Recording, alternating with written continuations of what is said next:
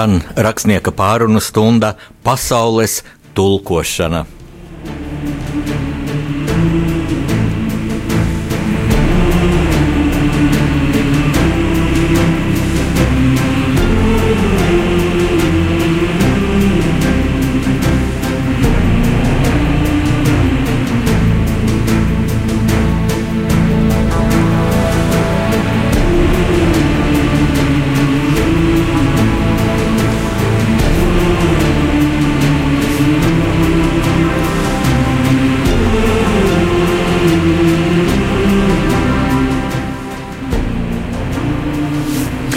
Slavēts Jēzus Kristus.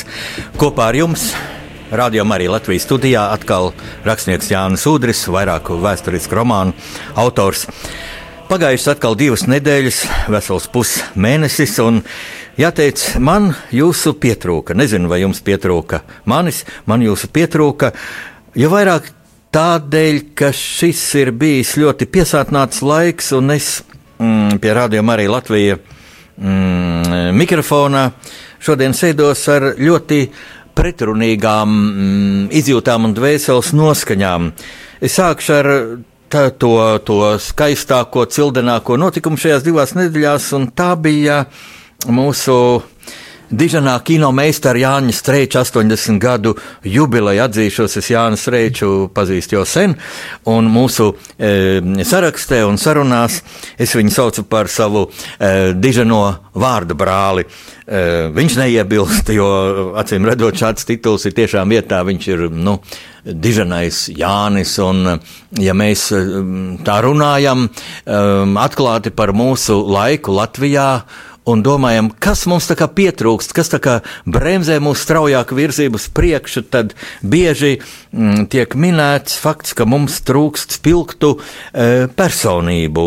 Mums ir gudri cilvēki, ir enerģiski cilvēki, ir arī cilvēki, kas ieņem tādus amatus, ko nav spējīgi pildīt, un, un tas ir ļoti bēdīgi, bet mums ir spilgts personības. Viena no tādām ir Jānis Streičs. Man ļoti liels prieks, ka viņš ir labā formā. Uh, visi mēs viņu redzam tālrāžu ekrānos vai, vai dzīvē sastopot. Nu, nepateiks, ka šim vīram ir 80 gadi.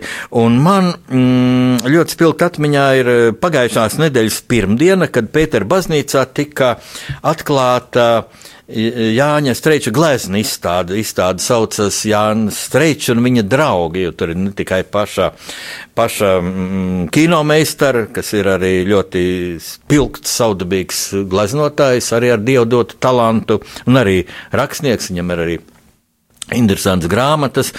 Tur ir izstādīts arī Jāņa Streiča draugu, Jāņa Anmaņa, Ulda Zemzara, Ulda ģērmaņa eh, darbi. Un šajā mm, atklāšanas ceremonijā skanēja ļoti patiesi, dvēseliski tādi vārdi par Jāņa Streiču, ļoti patiesi un dziedāja brīnišķīgs koris no prēļiem.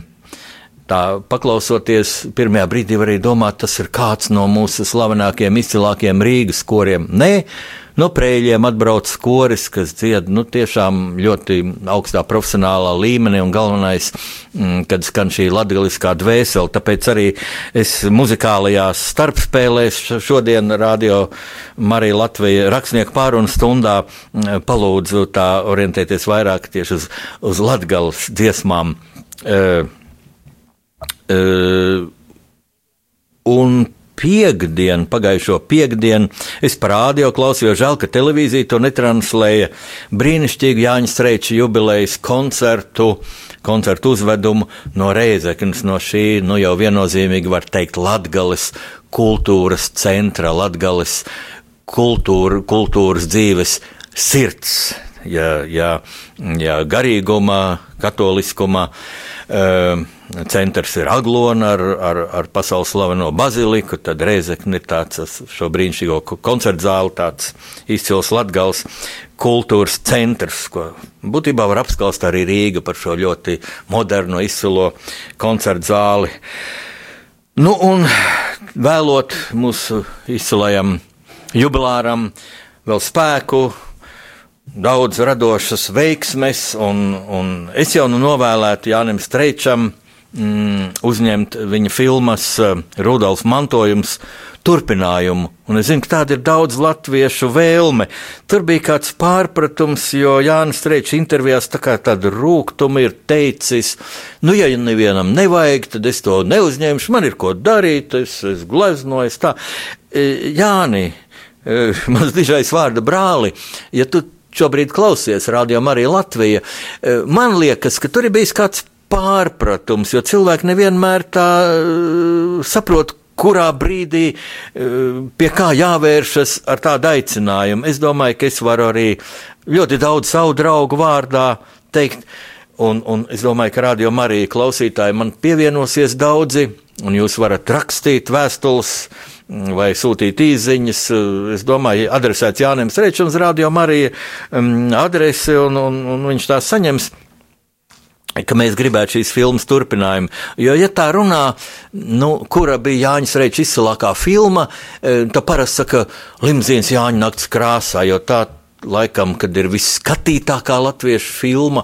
Nu, jā, komēdija un, un, un ļoti labi raksturo šo mm, padomju laika, tādu liekulīgo morālu un tā tālāk. Pāri visam izcili aktieri, izcili aktieri Lilita Bērziņa, Uldis Dumpis un, un, un, un, un veseli plējādi izcili aktieri Romalds Ancāns, kurš jau viņā saulē arī ir. Um, bet es tomēr domāju, nē, es par Streiča mm, izcilākajām filmām sauktu cilvēku bērnu, ko Jānis uzņēma par savu tik mīļo latgali, kur ir tiešām dziļa dvēseli jūtama, un uh, Rudolf mantojumu, kur ir pavisam jauns, es teiktu, konceptuāli filozofiski jauns skatījums uz Latvijas vēsturi, jo mūsu apziņā vēl sēž daudzos gadu desmitot ciepotētais mīts, ka latvieši ir simtiem gadus, gadu simteņiem bijuši tādi vergi, tādi apspiesti, kam, kam nu, faktiski nekāda iniciatīva, nekādas iespējas nav bijušas. Tas bija gan no padomju mm, laika izglītības sistēmas, gan arī pirms tam arī Ulmaņa autoritāras valdīšanas laikā arī šis mīts faktiski tika kultivēts, ka nu, briesmīgie latvieši, briesmīgie vācieši latvieši bija tā apspieduši, ka mēs nekas nebijām zinām. Un Rudolf mantojumā, lūk, Streičs brīnišķīgi parāda, ka latviešu zemnieks ar savu čaklumu, ar savu pašapziņu sasniedz jau tādu turīgumu, ka viņš jau atļaujas paņergāties par, par baronu un braukt lepnākā karietē, kāda ir baronam. Un, un es arī vairāk pieturos pie šīs koncepcijas, jo jo latvieši jau nebūtu izdzīvojuši kā nācija un saliedējušies jau 19.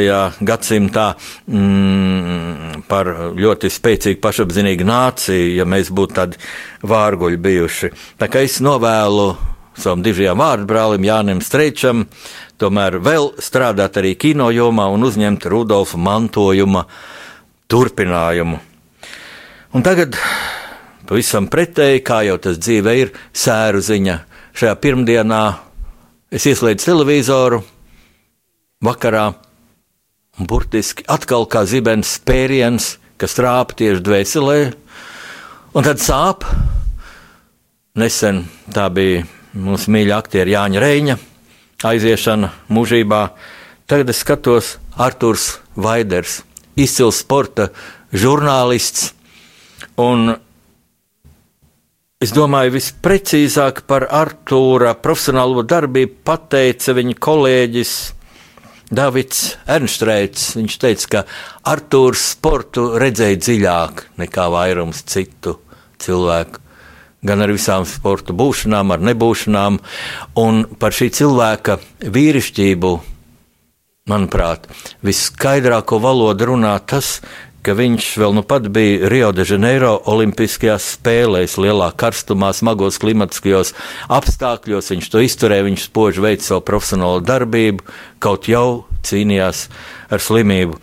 Es izsaku savā vārdā, Radio Marija Latvija, saimnes vārdā visdziļāko līdzjūtību Artur Vaidar ģimenei un mūsu izcilajai politiķei, mūsu cildenajai, tiešām drosmīgajai, patriotiskajai Latvijas pārstāvēji Eiropas parlamentā Inesei Vaiderei, un es ar senu draugu tiesībām Inese tev grib novēlēt vienu, lai šīs bēdas, kas ir milzīgas, neaprakstāmas, kā tu pati man atbildēji, lai tās tev vairo spēku lai vairo spēku, tavu spēku, kas ir ļoti vajadzīgs Latvijai, cīnoties par Latvijas interesēm, aizstāvot Latvijas intereses šodien tik sarežģītajā, tik uh, sarežģīta izaicinājuma priekšā stāvošajā Eiropā.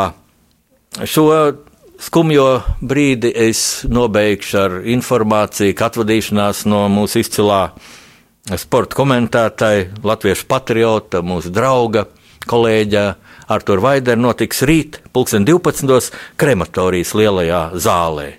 Tas ir blakus brāļu kapiem. Un tagad e, tas no žurnālistikas, e, radiožurnālistikas tādu kanonu viedokļi ir aplami pašā sākumā pateikt tādu sēru ziņu, un tad visi e, sēro stundu, kas man vēl ir priekšā. Nu, ko darīt? Dzīve ir kontrastaina, un tie, kas aiziet debesīs, viņi noteikti par visu mazāk gribētu, lai mēs raudam, apstājamies savā ikdienas gaitā. Īpaši tādi patrioti, tik dinamiski, enerģiski, garīgi spēcīgi cilvēki, kāds bija Arthurs Vaiders. E, dzīve turpinās, un e, es gluži vienkārši jūs izraušu no, no tās minorīgās noskaņas, kurā pats jūs ievadīja. Ar vienu tādu jocīgu atgadījumu par vēsturi. Jo šodien Es savu raidījumu vēl, veltīšu galvenokārt vēsturē, pēc brīža pateikšu, kādēļ. Bet manā prātā epizode, kuru man uh, pirms desmit mm, gadiem pastāstīja mūsu izcilā diplomāte Zikfrīda Dānas Meirovics dēls, jaunākais dēls Gunārs Meirovics. Man vēl laimējās Gunāru sastapt, mm, runāt ar viņu vairāk gadu garumā. Gunārs Meirovics aizgāja mūžībā tajā pašā gadā, kad iznāca mans romāns Zifrīda Meirovics, Trīs Annas. 2007. gadā, burtiski pusgadu pirms šīs grāmatas atvēršanas svētkiem. Un viena no tādām epizodēm no viņa dzīves, no Gunāra Meirovita dzīves, bija tāda, ka viņš mācījās e, 30. gados, 30. gados Franču licejā, un viņš nebija tāds pats izcilākais skolnieks. Viņam patika visādas uh, automašīnas. Viņš dzīvoja tajā pašā mājā, kur, kur tagad atrodas ārlietu ministrija.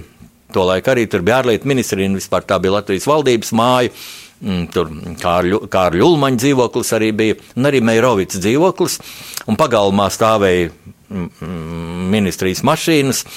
Un Meirovicam, jaunajam Meirovicam Gunāram patika mm, ložņāt gar šīm mašīnām, līst apakšā, prasīt šoferiem, kas tas par kloķi, kas tas par riteni. Viņš bieži atnāca mājās ar eļļu nošmulējies, un skolas uzdevumi palika nu, sagatavoti, kā nu bija, tā bija.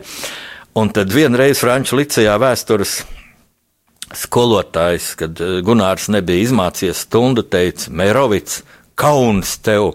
Tavs tēvs vēsturi taisīja, tu vēsturi nevīžo iemācīties. Divnieks tev, Meirovics. Nu, lūk, tāda epizode, kas man vienmēr izsauc smaidu, tā ir izlasām arī manā romānā, bet tagad atceroties mūsu izcilo, izcilo jubilāru Jāni Streiču, vēlot tev, Jāni, veselību. Es lūkšu muzikālai, mm, muzikālajai pauzei kādu latgals dziesmu.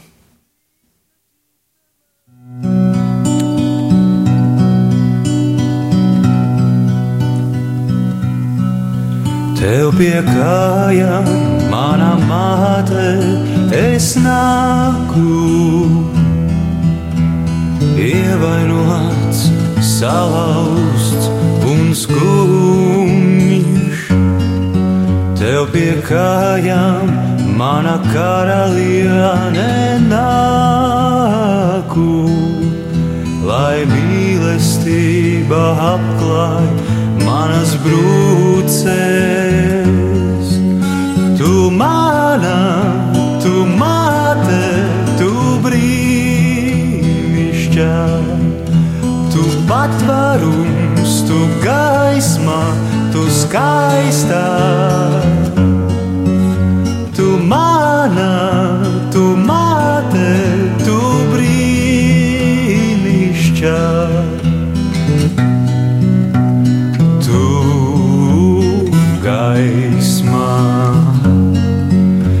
Kājām, mana māte, es nāku. Ievainots, salauzts un skumjš, tev pie kājām, mana karaliene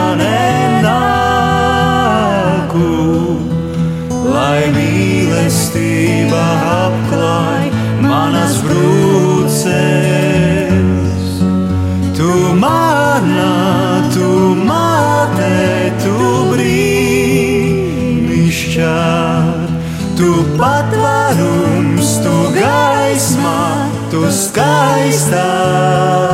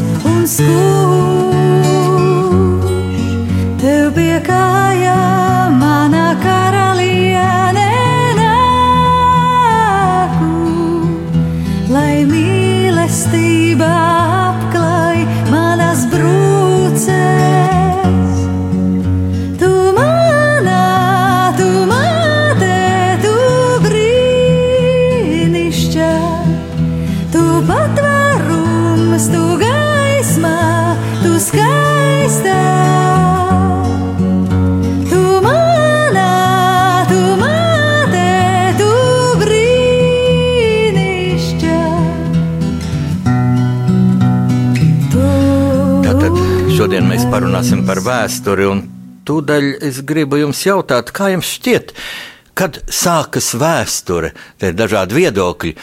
Parasti cilvēkiem ar vēsturi saistās priekšstats par kaut kādiem um, seniem pilskalniem, no kur, kur izroka bronzas cirvjus un, un um, bruņas un, un, un, un senlatviešu kapiem, bet uh, būtībā vēsturi jau šis brīdis, pareizāk sakot, teiksim, brīdis pirms, pirms stundas ceturkšņa, kad mēs sākām šo raidījumu, jo tas vairs neatkārtosies. Varbūt šajā brīdī bija kaut kas ļoti svarīgs, un, un, un kāds to dzirdēja un nofiksēja, kad liktenīga vēsts informācija. Nu, šoreiz es domāju, tā nebija. Bet pats fakts, ka Rādio Marija skan otro gadu un ka mēs nesen sākām otro sezonu, tā ir vēsture. Un lūk, mm, šāds eh, būtībā jaunas, un varbūt arī ne tik jaunas vēstures atgādinājums man pienāca pirms dažām dienām, kad mani kāds kolēģis uzaicināja rīt. Rīt, tātad 7. oktobrī, 2014. ierasties Latvijas Tautas Frontes muzejā, kur būs um, tāda, mm, tāda nu, sanākšana, man nepatīk vārds pasākums, ja, kur sanāks cilvēki, tautas fronts veterāni, Latvijas patrioti. Atcerieties, kā tautas fronte, Latvijas tautas fronte tika dibināta pirms cik gadiem. Te varētu rīkot Viktorīnu pirms cik gadiem, pirms, uh, pirms nu, 30 gadiem, pirms 20 gadiem vai pirms 28 gadiem. Pareizā atbilde būtu pirms 28 gadiem. Ja precīzi, tad šajā dienā, rītdienā, 7. oktobrī 1988. gadā bija tāda tautas fronts dibināšanas prelūdija. Tā bija Vislatvijas tautas sapulce, plaša manifestācija Meža parkā, Meža parka lielajā izstrādē, kur bija tūkstošiem, desmitiem tūkstoši cilvēku. Bija drēgna diena, bet visiem bija silti no tādām brīvības priekšnojautām kaut vēl. Šī sanākšana, šī manifestācija saucās ļoti diplomātiski. Daži tagad teikt, varbūt piesardzīgi, varbūt pārāk piesardzīgi. Nē, vēsture parādīja, ka viss bija labi tieši tā, kā notika. Toreiz vēl impērijas spēki, mūsu okupējušās impērijas spēki bija ļoti spēcīgi. Un, ja mēs būtu rīkojušies radikālāk, mm, vēl radikālāk, tad droši vien mūsu atmoda, mūsu dziesmotā revolūcija tiktu apspiesta ar brutālu militāro spēku. Toreiz šī manifestācija saucās par tiesisku valsti. Un formāli tas bija mm, atbalsts Mihaila Gorbačova, toreizējā PSRS līdera, atklātības politikai. Atklātības politikai, kurai bija nu, liela loma demokrātiskās domas um, atraisīšanā Latvijā, lai gan vēl joprojām bija cenzūra, bija tāda iestāde Glavlits, galvenā literatūras pārvalde valsts noslēpuma saglabāšanai, bija mm, valsts drošības komiteja, ko tautā sauca, joprojām sauc par čeku, kaut tā jau neeksistē gadsimta ceturksni, bet mēs savu apziņu nekad nevaram no šī Es atvainošos par, par tādu tautas teicienu, no šī mēsla atbrīvot, izspļaut to no savas apziņas. Bet Lūk, šajā sanākšanā Meža parkā valdīja ļoti brīva gaisotne, ļoti daudz sarkanu, baltu sarkano karogu, eh, lozungi, mm, plakāti, aicinājumi izbeigt padomju okupāciju. Un tur mēs jutāmies ļoti brīvi. Tur izskanēja jau sakurāteres dziedājumā brīnišķīgā dziesma palīdz Dievs visai latviešu tautai. Tur Māra Zālīte savā uzrunā nosauc mūs par bāreņu tautu. Un te atkal pēc tam ir aizsījušās diskusijas, vai mēs esam bāreņu tauta, un vai Māra pareizi toreiz teica. Un tas tikai liecina, ka mums ne viss ir tā skaidrs par vēsturi un vēsturisko atmiņu un par vēstures un šodienas attiecībām, jo ja Māra Zālīte toreiz mūs nosauca par bāreņu tautu, tad es pasvītroju, tas ir mans viedoklis, tad toreiz tas bija pilnīgi vietā, jo mums nebija galvenais, mums nebija sava valsts, sava māte Latvija. Mums bija sava zeme Latvija, taču to mīdīja okupantu armijas zābaki. Mm, šajā zemē plūda neierobežotā straumē, mm, vieglākas dzīves tīkotāji, kas nicināja un nīdēja mūsu valodu un izpirka mūsu veikalus. Un, Un labākajā gadījumā ar vilcieniem atkal aizbrauc prom, bet daudzi jau tīkoja šeit palikt. Un, un, ja tā būtu turpinājies, es domāju, tad jau sen, varbūt pirms desmit, varbūt pirms divdesmit gadiem jau mēs vairs šeit nebūtu kā latviešu nācija. Kaut kas bija jādara, mēs to visi jutām. Un šajā meža parka sanākšanā ļoti spilgti izskanēja Daņa Īvāna runa. Tobrīd Dainis Ivāns vēl nebija Tautas frontes priekšsēdētājs, jo Tautas fronte vēl nebija nodibināta. Dainis Ivāns bija populārs, tautas mīlēts, varētu teikt, pat dievināts publicists, žurnālists, kurš ar, ar vienu inženieru, Arthuru Smitu, uh, Snipu, bija kopīgi iestājušies pret Daugaupils hidroelektrostacijas celtniecību, ko es gribētu nosaukt par mūsu atmodas kustības dziesmotās revolūcijas sākumu, kad 80. gadu, pagājušā gadsimta 80. gadu vidū ar vienu rakstu, laikrakstā literatūra māksla, ļoti populāra tā laika avīzi, mm, aizsākās protesta kustība pret vēl vienas hidroelektrostacijas būvi uz Daugaus, pie Daugavpils, kas apludinātu Daugaus senleju vēl desmitiem kilometru garumā, kas iznīcinātu daudzas mūsu kultūras pieminekļus, senus ciemus Daugaus krastos, senus kapus. Tas būtu bijis briesmīgi. Tas būtu briesmīgs trieciens mūsu kultūra vēsturiskajam mantojumam, un jaunā paudze tagad to tā nu, nevisai var novērtēt. Tas ir objektīvi, ka jums to grūti novērtēt, ka latviešiem tur bija ļoti maza teikšana. Tas bija Maskavas projekts, un es atceros, ka Dainis Ivāns, atceroties to laiku, saka, ka toreiz šie hidroelektrostaciju e, projektētāji Maskavas, izturējās tā, it kā viņiem būtu revolvers lielā makstī pie sāniem. revolvers vairā, vairs tad, tad iespējams nebija. Tas bija pirmskara laikos, Staļina laikos, bet viņi sākumā burtiski smējās, ko latvieši te teiks, nu kāda jums te daļa vai celsim vai necelsim, jo, jo taču tas ir izlemts Maskavā. Un notika, notika brīnums. Tūkstošiem cilvēku protestēja, sūtīja protesta vēstules.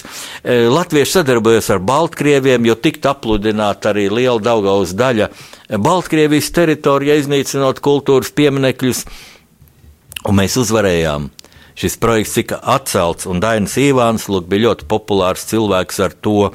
Es esmu šo epizodi Meža parkā Tā nebija patiesībā epizode, tā bija ļoti skaista tāda epopeja, ļoti skaista, piesātināta ar patriotiskām runām, ar, ar augstu, ļoti augstu latviešu patriotismu pacēlumu, piesātināta diena. Es to esmu aprakstījis savā e, grāmatā Pusauģiem. Man ir tāda mm, koša, ļoti neparasta grāmata, zinātniskās fantastikas žanrā, e, Melders un Matīs ceļojums vēsturē.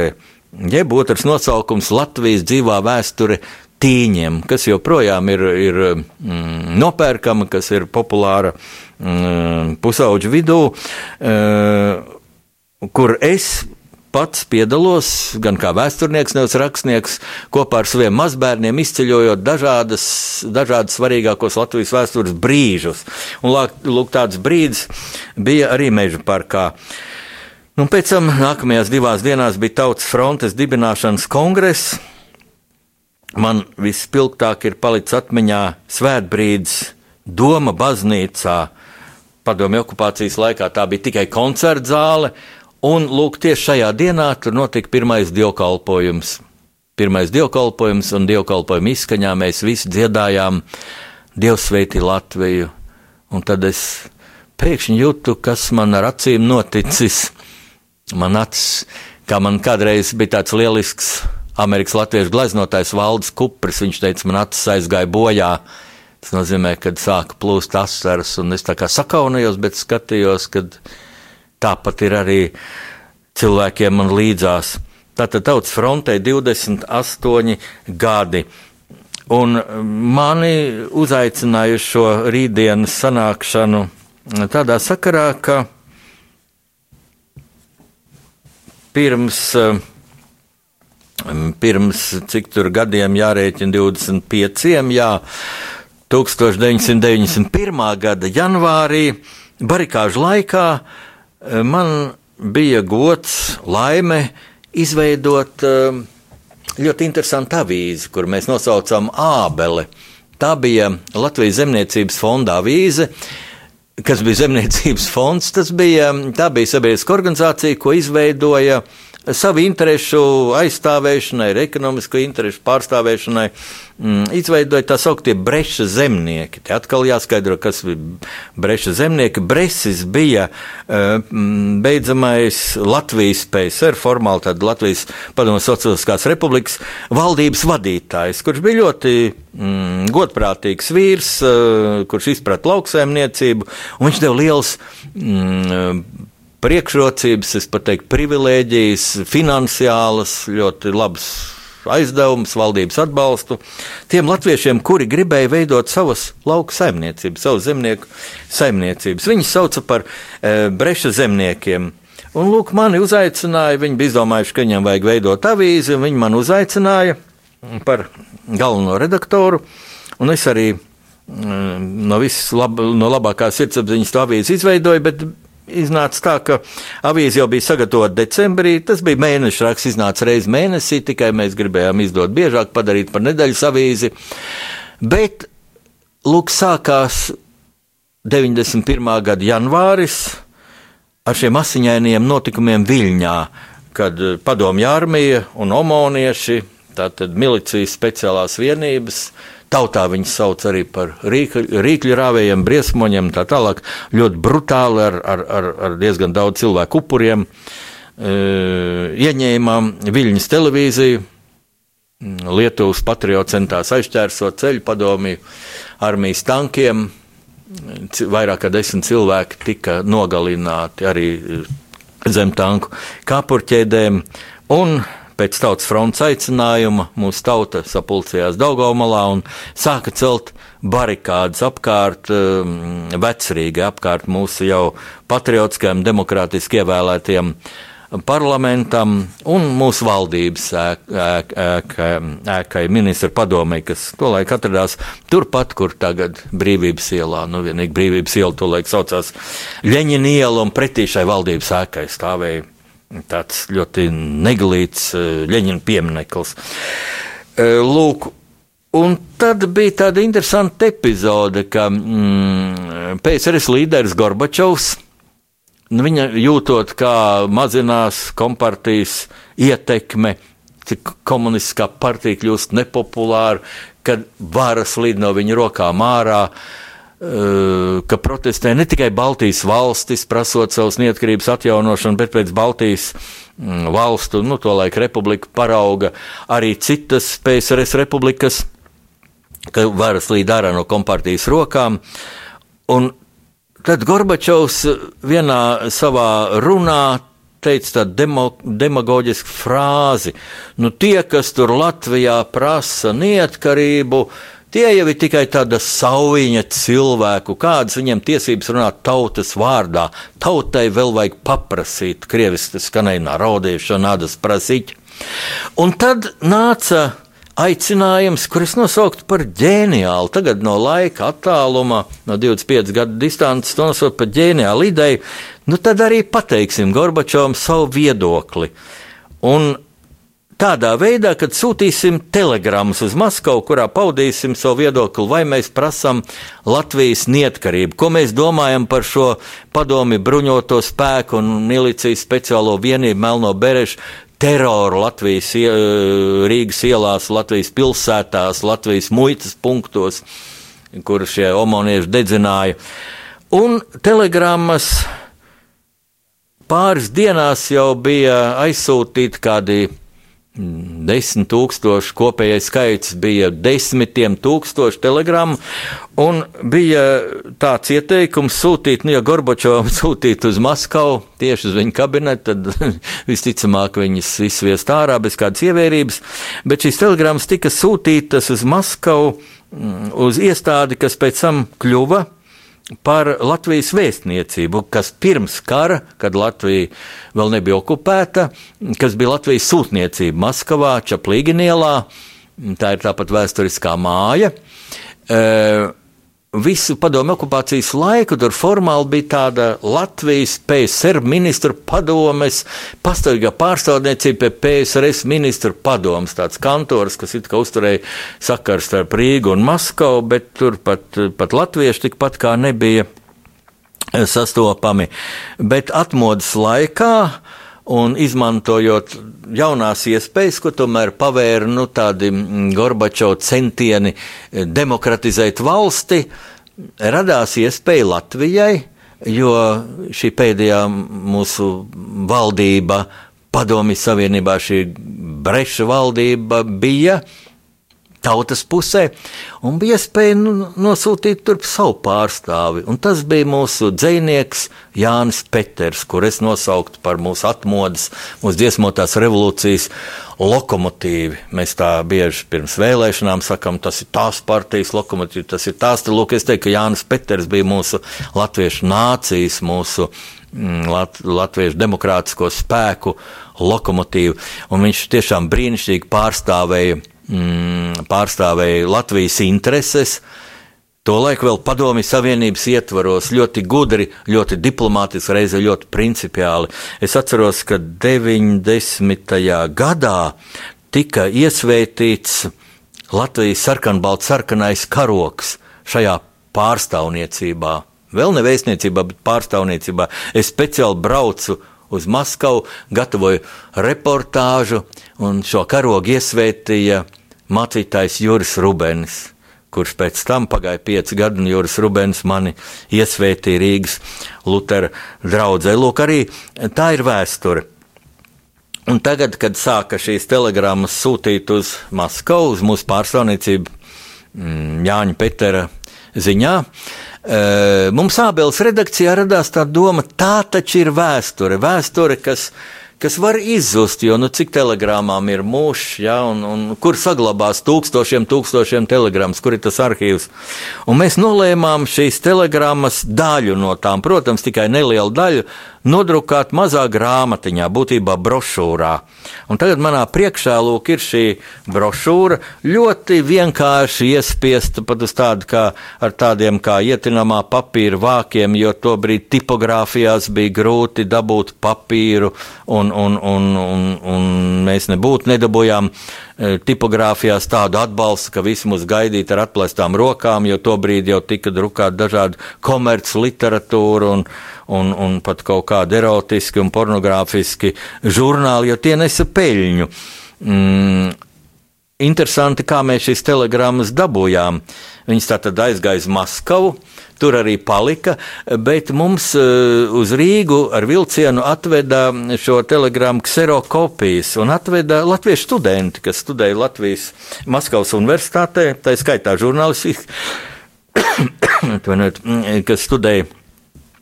Maskavas Universitātē žurnālistiku, jo es 80. gados mm, arī lasīju lekcijas Latvijas Universitātē, un bija daži jaunieši, kas um, pēc trešā kursa aizgāja uz Maskavas universitāti, kur bija ļoti spēcīgi pasniedzēji.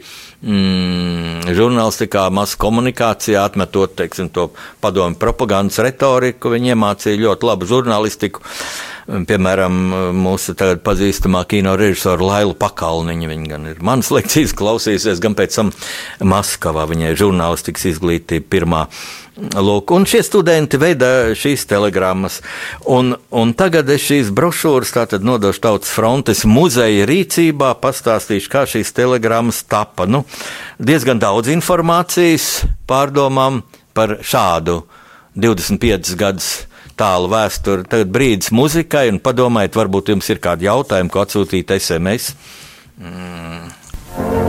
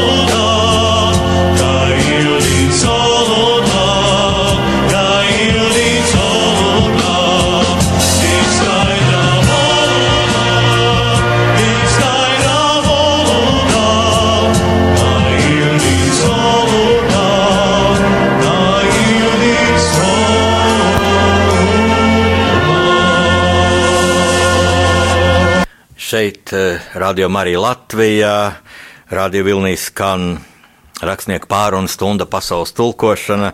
Eh, klausoties šo dziesmu, es, Jānis Udrs, jā, es esmu to jūs atceraties, eh, vienmēr izjūtu tādu saviņojumu par to, cik mūsu latviešu nācija ir bagāta, un cik mūsu Latvijas valsts, mūsu Latvijas zeme ir bagāta ar trim dažādiem, tik dažādiem novadiem, kas katrs var ļoti lepoties ar savu īpašu mentalitāti, kas veido mūsu kopīgo, ļoti bagāto latviešu mentalitāti. Nu, un un Latvijas teiktu, nu, ir ļoti spoža zvaigzne, šī trešā zvaigzne mūsu e, karogā ar savu patriotismu, un es tā bieži domāju, kas tā ir par gaudo, gaušanos mūsu plašsaziņas līdzekļos, ka Latgale tur ir tik slikta dzīve, tik grūta, ka visi brauc prom.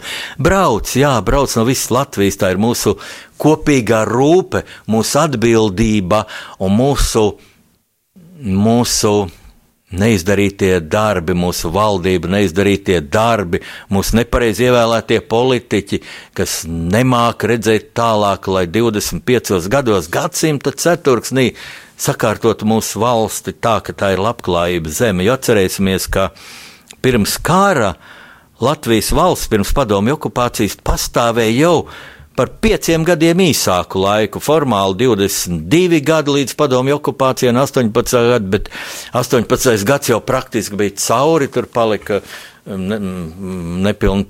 Pus, nepilns pusotrs mēnesis, un 19. gads pagāja ļoti asiņainos, smagos karos. Tātad 20 gadi, un Latvija kļuva par vienu no pārtikušajām Eiropas valstīm. Mēs bijām pirmā valsts mm, labklājības ziņā Baltijā. No, no, salīdzinot ar Lietuvu, un Igauniju, un arī ar Somiju, un arī ar Poliju, jo mans, man romāna varonis Zikfrīds Anamērovics redzēja Eiropas, mm, šo Baltijas valstu savienību Eiropā divos lielumos, kā trīs Baltijas valsts Latvija, Lietuva, Igaunija un arī lielo savienību perspektīvā, kā Latvija, Lietuva, Igaunija un Polija un Somija. Tad lūk, mēs bijām pati, pati plaukstošākā no šīm valstīm. Kāpēc mēs tagad to nevaram? Te ir dažādi iemesli, protams, atlikušajās mm, desmit, pat mazāk minūtēs līdz raidījuma beigām. Es to nepaspēju izanalizēt, bet es ļoti uh, Ceru, ka jūs dzirdējāt mana mācītāja Jūra Rubeņa interviju otrdienas vakarā Latvijas televīzijas pirmajā programmā, raidījumā viens pret vienu, kur Juri intervēja mm, Gundars Rēders, spožs žurnālists, kurš ir mm, no manas Rīgas Lutera draudzes. Nu, Juri gan nemaz arī nevajag intervēt, viņš runā tā, ka, ka laiks rit nemanot.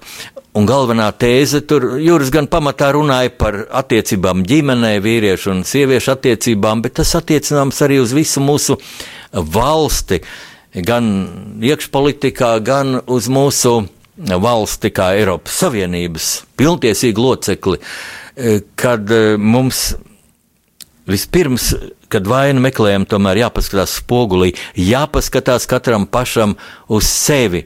Un ir absolūti aplama šī doma, un bīstama un kaitīga šī doma, ko nu es esmu jau mazs cilvēciņš, politiķi ir tur, es esmu šeit, nu kur tad es esmu? Es sēžu savā ķēķītī ar savu kaimiņu, vai nu savā virtuvītē, vai, vai, vai tramvajā, tur pazūdos, cik grūti ir dzīve, un tad pienāk vēlēšanas, un es sēžu mājās, jo man jau nav par ko balsot. Eh, tā ir briesmīga inerce, un es ļoti priecātos, ja vecie cilvēki, vecā paudze no tās tiktu vaļā, bet, nu, ja 25 gados tas nav izdarīts, ja mēs neesam sapratuši, ka padomi laiki, padomi okupācijas laiki sen ir beigušies, ka mēs esam saimnieki šajā zemē, Un no mums ir daudz kas atkarīgs, nu, piemēram, laukos, kas tev liedz iet uz savu novada domu, uz savu pagastu māju un sist kulaku galdā un prasīt taisnīgumu tādā jautājumā, tādā, lai aizstāvētu mm, daudz bērnu māmiņu tiesības, lai aizstāvētu plaugu firmas, kas dibinās, bet tūdaļ tiek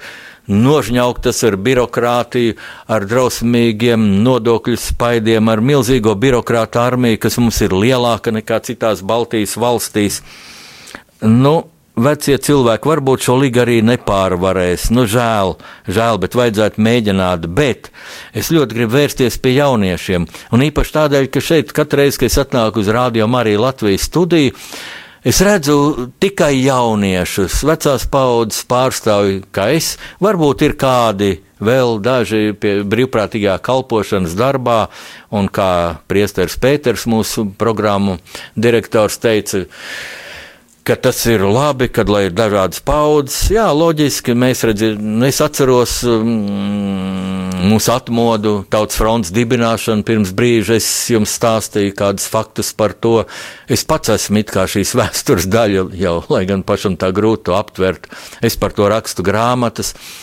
Jauniešiem ir ļoti svarīgi zināt, kā tas bija, bet jauniešiem ir ļoti svarīgi teikt savu vārdu mūsu sabiedriskajā dzīvē, mūsu politikā. Mums radio Marija ir tāds princips, kur es ļoti konsekventi ievērošu, mm, neizcelt nevienu politisku partiju, nevienu politiķi. Taču kristiešu pienākums ir runāt par problēmām mūsu mājās, mūsu tēvzemē. Un jā, pie mums daudziem cilvēkiem klājas sliktāk, kā viņi to būtu pelnījuši. Daudziem ir mazas pensijas, vājš sociālais nodrošinājums, kāpi uh, cenas īpaši uz energoresursiem. Elektrība padārdzināsies trīs reizes, pie tam ar šausmīgu demagoģiju joprojām tiek apgalvots, ka elektrība kļuva lētāka. Jā, katra kilovatstunda ir nedaudz lētāka, kā bija pirms gada, bet taču tagad ir jāmaksā par šīs enerģijas pārvadāšanu, pār, pār, pārvadīšanu un pārdalīšanu. Un es nezinu, par ko vēl būs drīz jāmaksā un jāmaksā par šīm alternatīvajām elektrībām, kāds mums ar to sakars. Un tad vismaz vajadzēja runāt skaidru valodu, ka mums ir tik saspringts budžets, ka mēs savādāk nevaram, ka jāceļ šī cena. Neviena vārda par to. Un tad visbriesmīgākais, ka valdība neredz tālāk, es teiktu, par savu degunu. Vienīgais ienākuma iegūšanas veids, budžeta papildināšanas veids, radīt jaunus nodokļus, pumpēt ārā no iedzīvotājiem. Vajadzētu attīstīt biznesu, ražošanu, darba vietas, lai cilvēkiem nevis jāgaida pabalsti no valdības, bet lai viņi var pelnīt algu un maksāt nodokļus, kā tas ir civilizētā rietumu pasaulē. Cilvēki labprāt maksā šos nodokļus, jo viņi zina, ka nodokļi ir tikpat neizbēgami kā nāve. Divas lietas - neizbēgams nāve un nodokļi, un ar to cilvēki rēķinās.